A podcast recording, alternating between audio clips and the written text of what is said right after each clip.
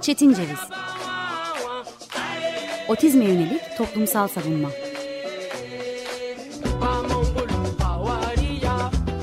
Hazırlayan ve sunan Deniz Yazgan.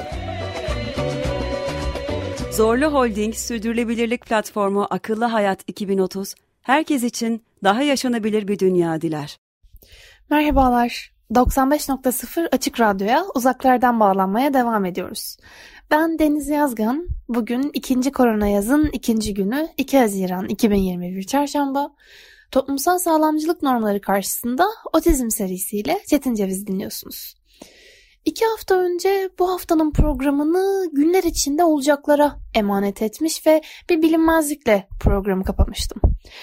Zihnimdeki o bilinmezlik salı gecesini çarşamba sabahını bağlayana dek de sürdü aslında. Hatta hafta içinde dinleyicilerimizce konunun seçilmesini istedim ve buna yönelik bir anket hazırladım. Ele alınabilecek konulardan bir tanesi nöroçeşitliğe yönelik ayrımcılığı hukuki perspektifiyle değerlendirmekte. Ayrımcılık yasağı kötü muamele yasağına yönelik değerlendirmekte. Ama e, yılın başından bu yana sosyolojik unsurlarıyla bu ayrımcılığı, sağlamcılığı ele alırken, konular bitmezken, her gün bir yenisi eklenirken hukuki konuyu biraz daha uykuya yatırmak gerekir. Biraz daha beklemek gerekir diye düşündüm.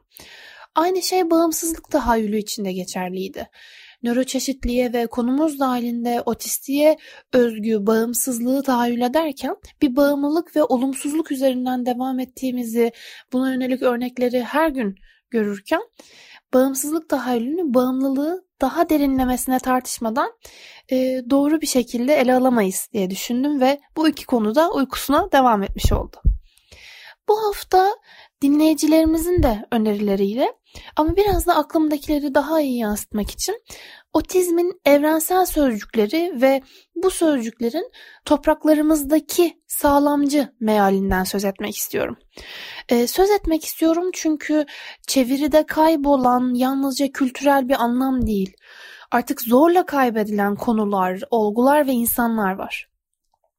Otistik tükenişten ne anlıyor dünya diye başlayabilirim sorularıma. SpectrumNews.org sitesinin konuyla ilgili makalesini tıpkı çeviri olarak biraz kısaca yansıtmak gerekirse, otistiklerin birçoğu otistik tükenişin nörotipik bireyler için tasarlanmış dünyaya ayak uydurmaya çalışırken kümülatif olarak ortaya çıkan bir fenomen olduğunu belirtiyor. Otistik tükeniş özellikle okula ve işe giden otistik bireyleri nörotipiklerle aynı çalışma ortamında bulunan yetişkinleri etkileyebilir. Otizme özgü diğer unsurlarda olduğu gibi otistik tükeniş de bireyden bireye değişiklik gösterebilecektir. Bazı otistik bireyler otistik tükenişi fiziksel bir dermansızlık olarak deneyimlediklerini aktarırlar. Duygulanıma yönelik kontrolün daha zorlaştığını, feveran, mutsuzluk yaşayabildiklerini belirtirler. Otistik tükeniş yoğun bir kaygı, depresyon ve intihara yönelik davranış olarak dışa vurabilir stereotipi yani stim davranışlara duyulan ihtiyacı fazlalaştırabilir. Duyusal girdilere yönelik hassaslığı artırabilir. Değişimi algılamada ve kabullenmede güçlük ortaya çıkabilir. Otistik tükeniş fiziksel kabiliyetlerde geçici veya kalıcı kayıplara neden olabilir. Örneğin semiverbal yani yarı konuşan, bazen konuşan otistik birey uzun bir süreliğine konuşma etisini kaybedebilir. Otistik tükeniş çoğu zaman kamuflajın, maskelemenin bir sonucudur. Otistik bireyin nörotipik bireylerin davranışlarını, mimiklerini aynalaması, sohbet etmek için senaryolaştırılmış bir metin kullanması, kendini göz kontağı kurmaya zorlaması, tekrarlayan davranışlarını engellemeye çalışması, maskelemeye örnek davranış olarak sayılabilir. Bu zoraki davranışlar anlık olarak uyumlanmayı sağlasa da aşırı uyaran almak yoğun strese sebep olabilir. Maskeleme otistik tükenişe doğru birikimi sağlar. Bazı otistikler tükenişin etkilerinin yıllar boyu sürdüğünü bile dile getirmektedir. Öğretide otistik tükenişin birden fazla yüklenme dolayısıyla var olabileceği açıklanmıştır. Aşırı duysal yüklenme, aşırı bilgi yüklemesi, aşırı duygusal yüklenme otistik tükenişe birikim sağlayan unsurları oluşturur. Aşırı duyusal yüklenme bir veya birden fazla duyu kapsamında hiperduyarlılık sahibi olan otistiğin duygusal çöküşü olarak adlandırılırken aşırı bilgi yüklemesi otistik bireyin günlük yaşamında aşina olmadığı kavramlarla, yöntemlerle, metotlarla, komutlarla karşı karşıya kaldığı an e, oluşabilecek duygusal çöküş olarak tanımlanmıştır. Aşırı duygusal yüklenme ise yoğun kaygı ve üzüntü duyulduğunda, örneğin nörotipik bireyle iletişimde anlaşılmak istenmediğini fark ettiğinde veya kendini ifade etmekte güçlük çektiğini hissettiğinde ortaya çıkan duygusal çöküş olarak tanımlanmıştır. Duygusal çöküşü, otistik tükenişi cebimize koyalım. E, cebimize koyduktan sonra Türkiye'de duygusal çöküşün, otistik tükenişin yaşanışına geri dönelim. Bazen öfke nöbeti, bazen sinir krizi olarak adlandırılan davranışlarla duygusal çöküş ve otistik tükeniş birbirini tamamen karşılıyor mu? Bir kısım görüşe göre istediği yapılmadığı için örneğin bakkaldaki bütün çıntı pıntıları istediği ama ona satın alınmadığı için kendisine ve başkasına zarar verebilecek davranışlar gösterebiliyor otistik birey. Bu iyi tanıdığımız otistiklere yönelik de olsa sağlamcı standartlarımızdan çıkan yorumları oluşturuyor bence. Dışarıdan, oldukça dışarıdan bakıyoruz. Ayrı bir bedene, ayrı bir bedenden bakıyoruz. Bakıyoruz ve hmm diyoruz. Bunu bundan yapıyor. Bunu bu yüzden engellemeliyim diyoruz. Engelden algıladığımızın yoklukla bu denli yakın oluşu, engellinin yoklukla malüllüğü de engellemeyi yok etmekle eşdeğer kılıyor bence. Engelli görünmeyen yerlerde ya da yok sayılmakla ölesiye meşgulken yaşamımızda engelli birinin bulunmasını oldukça soğukkanlılıkla bir sınav olarak tanımlayabiliyorken yaşamımızda engelliyle hiç karşı karşıya kalmayışımızın büyük bir payı olduğunu unutmaya çok alışız. Biz tanılarla, teşhislerle tanışıyorsak belli bazı engel tipleriyle bunun en büyük nedeni de görünmezlik. Bunun en büyük başımıza korkunç şeyler geliyormuş gibi hissiyatı da görünmezlik, var olmayış. Bu kalın zincirli toplumsallığın asla katı süretle kabul etmeyeceği, alışık olmadığı, alışık olamayacağı sesi, hareketi, davranışı, varoluşu yok etmek istiyoruz. Bu noktada otistik tükenişi anlamamaktaki ısrarımız bizi otistik çaresizlik gibi olmayan bir kavrama sürüklüyor. Otizmi bir çaresizlik, düşmanımızın başına gelmeyecek fenalık olarak anlatıyor, anlatıyor ve sonrasında farkındalık bekliyoruz. Artık açıkça söylemek gerekir.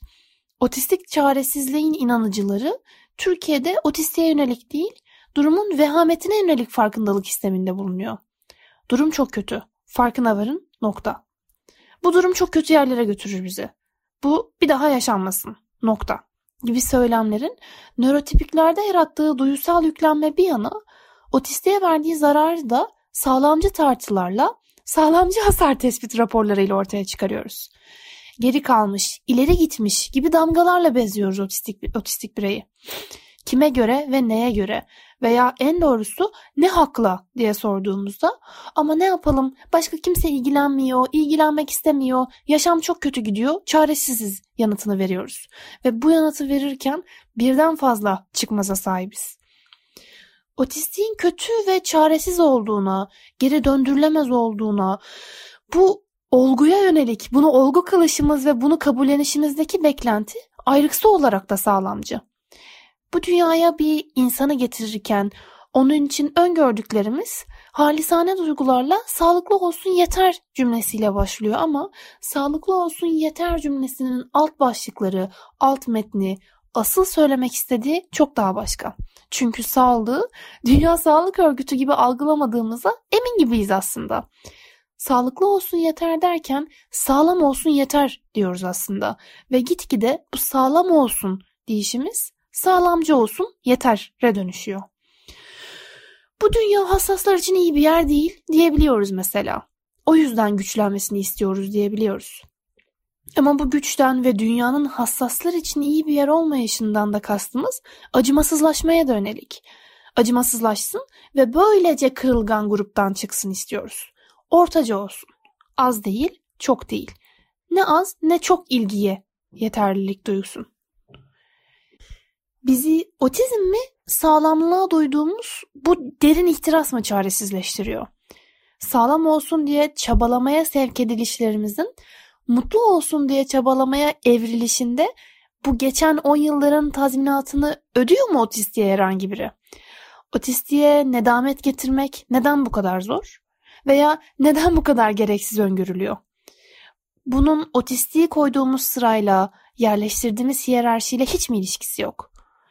O korkunç yorumlara, duruşlara ve oluşlara neden mecbur bırakıyor bu dünya bizi?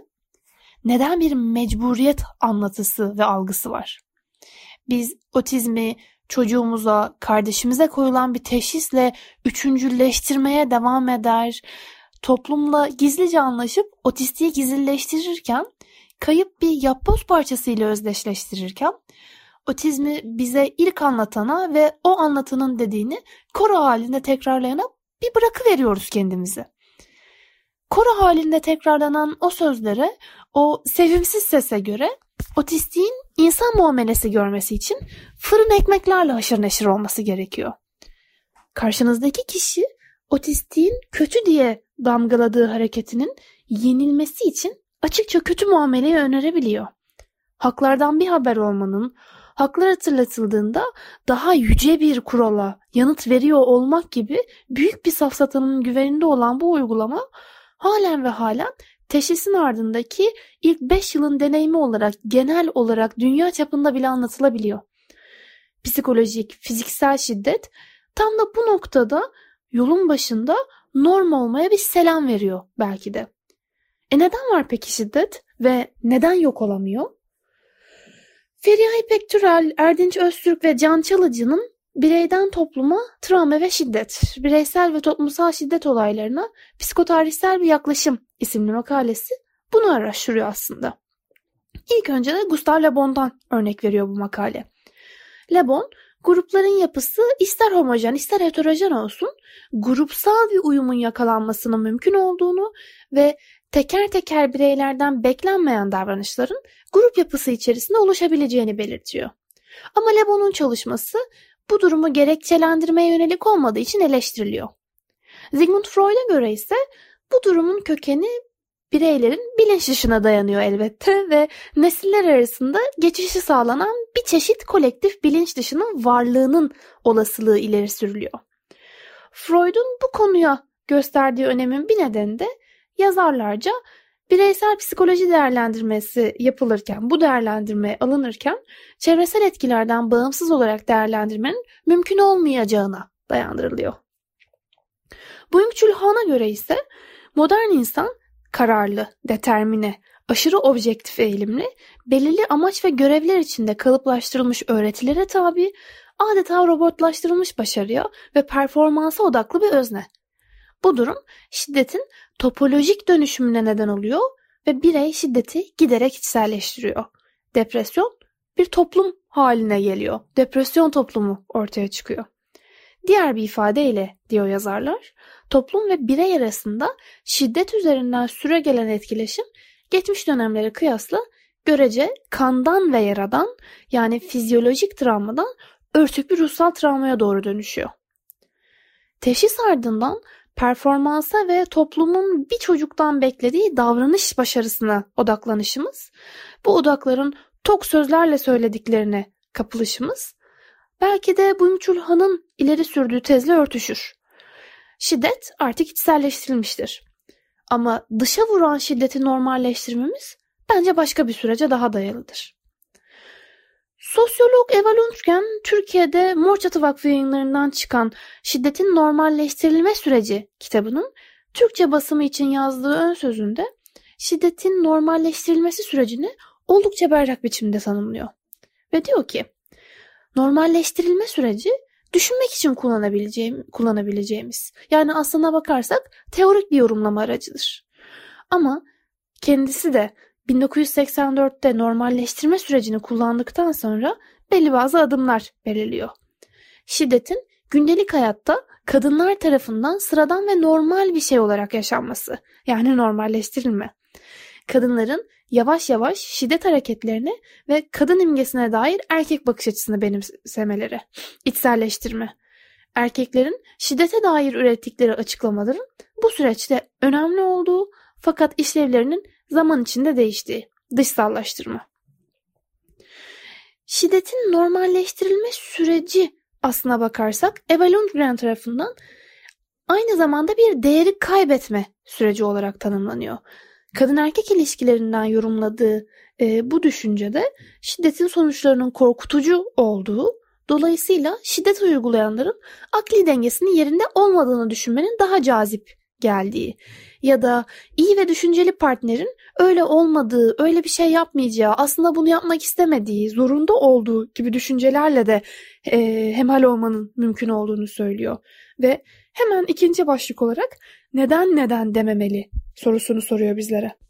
Lundgren diyor ki, şiddetin gelişmesi ve destekleme, desteklenmesini bir süreç olarak görmek, şiddeti anlamlandırmak için kullanılmış kök salmış anlayışlardan oldukça farklıdır. Şiddeti açıklayan yaklaşımlarda genellikle şiddetin nedenleri üzerinde durulur. En başta erkek neden vurur? Böyle bakıldığında şiddetin bundan sonraki kullanımları birbirinden bağımsız bir takım olaylar olarak ele alınır. Şiddetin sabitleşmesi, gelişmesi ve onaylanması sanki hiçbir açıklama gerektirmemektedir. Otistik çaresizlik olarak ele alınan ve bir nedenselleştirme aracı olarak da karşımıza çıkan bu hal, bu algı aslına bakarsak bugün tartışılmış, bugünün konusu olmuş veya ilk defa bizler tarafından söylenen bir şey değil. TUAD'ın 2016 yılında yayınladığı kısaca fiziksel cinsel şiddet izleme raporu, kötü muamelenin şiddetin normalleştirilmesine, çaresizliğin sonucu olarak ortaya çıkmasına yönelik bir haber dizgesine de yer vermiş raporunda. Çaresizlik kaynaklı kötü muamelenin ve şiddetin destek politikalarının eksikliğiyle ortaya çıktığının altını çizmiş. Ancak kötü muamelenin kötü muamele olduğunu da tekrarlamış. Bunca anlatı, bunca atıf, var olanı, kötü muamele görmeye o veya bu vaziyette devam eden otistik birey için, engelli birey için ne değiştiriyor sorusunu sorabiliriz. Ancak düşünce şeklimizi bu çaresizlik algısı ve mecburiyet de değiştiriyor. Otistiğin derdi öyle değişik, öyle anlaşılmaz, öyle bir yapboz parçası, öyle garip ve öyle masraflı ki devlet de buna şak diye yanıt veremez. Değişmesi, sürümlenmesi gereken otistiktir gibi cümleler çok hızlıca, kolayca dökülü veriyor ağzımızdan. Çünkü otizm hakkında bağıra bağıra tekrar edilen yanlışlar tekil ve barışçıl haklı seslerden daha çok yankılanır durumda duvarlarımızda. Otizm teşhisiyle birlikte çoğu ebeveyne o çocuktan ne olunmayacağı söyleniyor hala. Ve o olunmayacaklar üzerinden yıkılıyor ebeveyn. Konuşmayacak, yaşıtlarıyla aynı okula gidemeyecek, arkadaşı olmayacak, kadınsa evlenemeyecek, erkekse askere gidemeyecek söylemleriyle karşı karşıya kalabiliyoruz hala. Herkes otistiğin ne yapamayacağı ile çok meşgul. Dünyaya getirilen çocuktan beklentilerin bu derinlemesine vasatlığı bizi geçen sene bugünlerde konuştuğumuz tutuklu kalma haline sevk eden de aslında. İçimizde lobisi ağır basan sağlamcıların gölgesinden bile korkan bir sulh ceza hakimi var sanki ve her olumlu duygunun, düşüncenin, iyilikten uzaklığın, bağımsızlığın tutukluğunu talep edip duruyor. Olunmayacağı oldurmak gibi bir mücadele başlıyor böyle olunca. Otizme bir savaş açılıyor. Olunmayacağından emin kılındıktan sonra otizm bir mücadele aracı haline geliyor. Sen benim çocuğumun geleceğini elinden aldın. Otizm diyebiliyor mesela bir anne veya bir baba veya bir abla. Nörotipik çocuk sahibi olmakla birlikte otistik bir ikinci çocuğu olan anneye babaya siz yine iyisiniz, yüksüz evlat tadı alabildiniz gibi korkunç cümleler söylenebiliyor. Otistik bireyin ebeveyni olan insanlar ayrımcılıktan en çok yakınan insanlarken çok daha yoğun ve yakın bir biçimde ayrımcılığa tabi tutabiliyor çocuklarını, yol arkadaşlarını. Kabul edile gelen otistiğin kapasitesizliği, kapasitesizliğiyle eğitimden uzak kalmışlığı ve böylece tehlikelileşmesi, kriminalleşmesi mi olmalı? Yoğun seslerin olmadığı bir ortamda mutlu olması sağlanabilecekken halen ve halen bir çocuktan tat almak, yük istememek içinde kaybolmaya neden bu kadar hazır bir paradoks denizi içerisindeyiz? Yaşam kime hangi garantiyi vermek durumunda? Neden herkes aynı olmak durumunda? Bu soruların yanıtı ben ve ötekide gizli ve halen gizliliğini korumak istiyor. Ama aslında bir o kadar da ortada. Çünkü ben ve öteki birbirini yeniden doğuruyor, tarihini yeniden yazıyor ve insan benliğinden çıkara geldiğinin ötekile, ötekileşmesini, öteki oluşunu izlemek istemiyor. Öteki öğretisiyle kura geldiği duvarlarını kendiliğiyle, halisane kendiliğiyle yıkan kişiye çok ama çok grift duygular besleyeceğimiz de açık.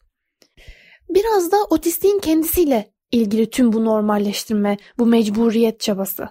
Sadece dilimiz varmıyor bunu bu gerçekliğiyle söylemeye. Çünkü var olan düzeniyle ebeveyne ve özellikle anneye emanet devam eden bu politikasızlıkta ebeveynler, yakınlar yalnızca ben öldükten sonra ne olacak diye düşünmekle kalmıyor. Ve kalmaz. Yaşarken endişe duymadıkları saniyeleri de gereksinim duyar insanlar.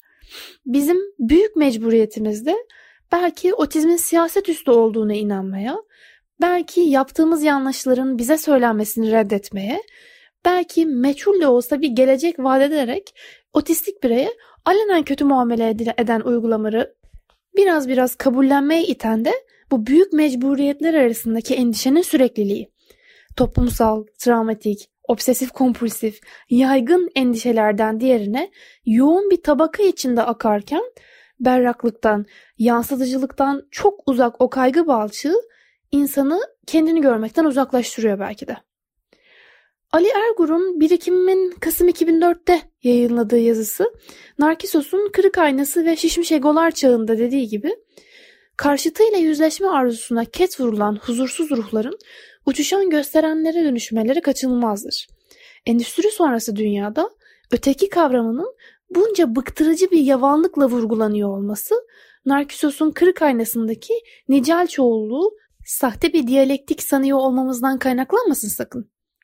Ve yine Ali Ergur'un dediği gibi kimlik bir belirlenim kertesi değil bir strateji ise artık otistiğe bakım göstermekle yegane yükümlü baba, anne nasıl bir stratejik ilişki içerisindedir bu endüstriyel politikasızlıkta? Korkunç bir pastoral anlatım bizi bekler. Babalar dağ, anneler bağ, çocuklar meyve verdiği kadarıyla ağaçken bu pastoral, pastoral anlatımın integralinde kalan babalar, anneler, çocukları soğuk renklerle dolu metaforlar bekler. İnsanlar zaten insan olması gerekirken dağ, bağ, ağaç olmaya sürüklenmiş ve bu yükün altından kalkamamıştır. Ve yükü toplumdan değil, yine engelden, konumuz dahilinde otizmden, otistikten bilir. Hangi çocuk kolaydır? İlgilenilmemesi makbul olan çocuk ferah feza çocuk mudur? Mirasımız höt dediğinde susan, aman aman dediğinde celallenen çocuk olunca mı değere biner? Çocuğun meyve veren bir ağaç olması, babanın çınar olması, annenin dökülen yaprakları hışır hışır toplaması mı gerekir illa? Toplumun normları bu kuralları damper devirir gibi bir anda yüklemişken babaya, anaya, yük olan otizm midir gerçekten? Türkiye'nin 2000'li yıllarını kasıp kavuran dizisinin adı Yaprak Dökümü'dür bir kere haysiyeti için yaşayan koca Çınar Baba'nın dalları olan çocuklarının onanmayan yaşamlara gark olmasını tüm Türkiye hep bir ağızdan cıkcıklayarak izlemiştir. Ağaçlardan, dallardan, dökülen yapraklardan, bağ olmaktan, dağ olmaktan söz ederken insan olmayı unutuşumuza dair kulaklarımda hep değerli hocam Levent Küyey'in bir dersinde aktardığı sözler yankılanır. Ağaç metaforundan yorulduk. O kadar çok ızdıraba neden oldular ki. Halbuki ağaç kendi haliyle, gerçek haliyle bağımsızlığın ve sonsuzluğun gökyüzünün eseri olmalı. Ağacı yalnızca ve yalnızca köklere, kendi olamayışımıza, bağımsızlığımızın önüne gelen bir kete yönelik yorumlamak belki de bu ülkede ağaçlara yapılacak en büyük haksızlık. Çünkü ağacı ve köklerini yanına gitmeden, görmeden, ağacın gövdesine dokunmadan, ağaca sarılmadan, ağaç için beklemeden, nöbet tutmadan inanmakla yaşatamayız. Ağaçlar ancak onu korumak için sarılanlara selam duracaktır. Bu konuyu ikiye bölelim en iyisi. İki hafta sonra görüşmek dileğiyle. Hoşçakalın. Çetin Ceviz Otizme yönelik toplumsal savunma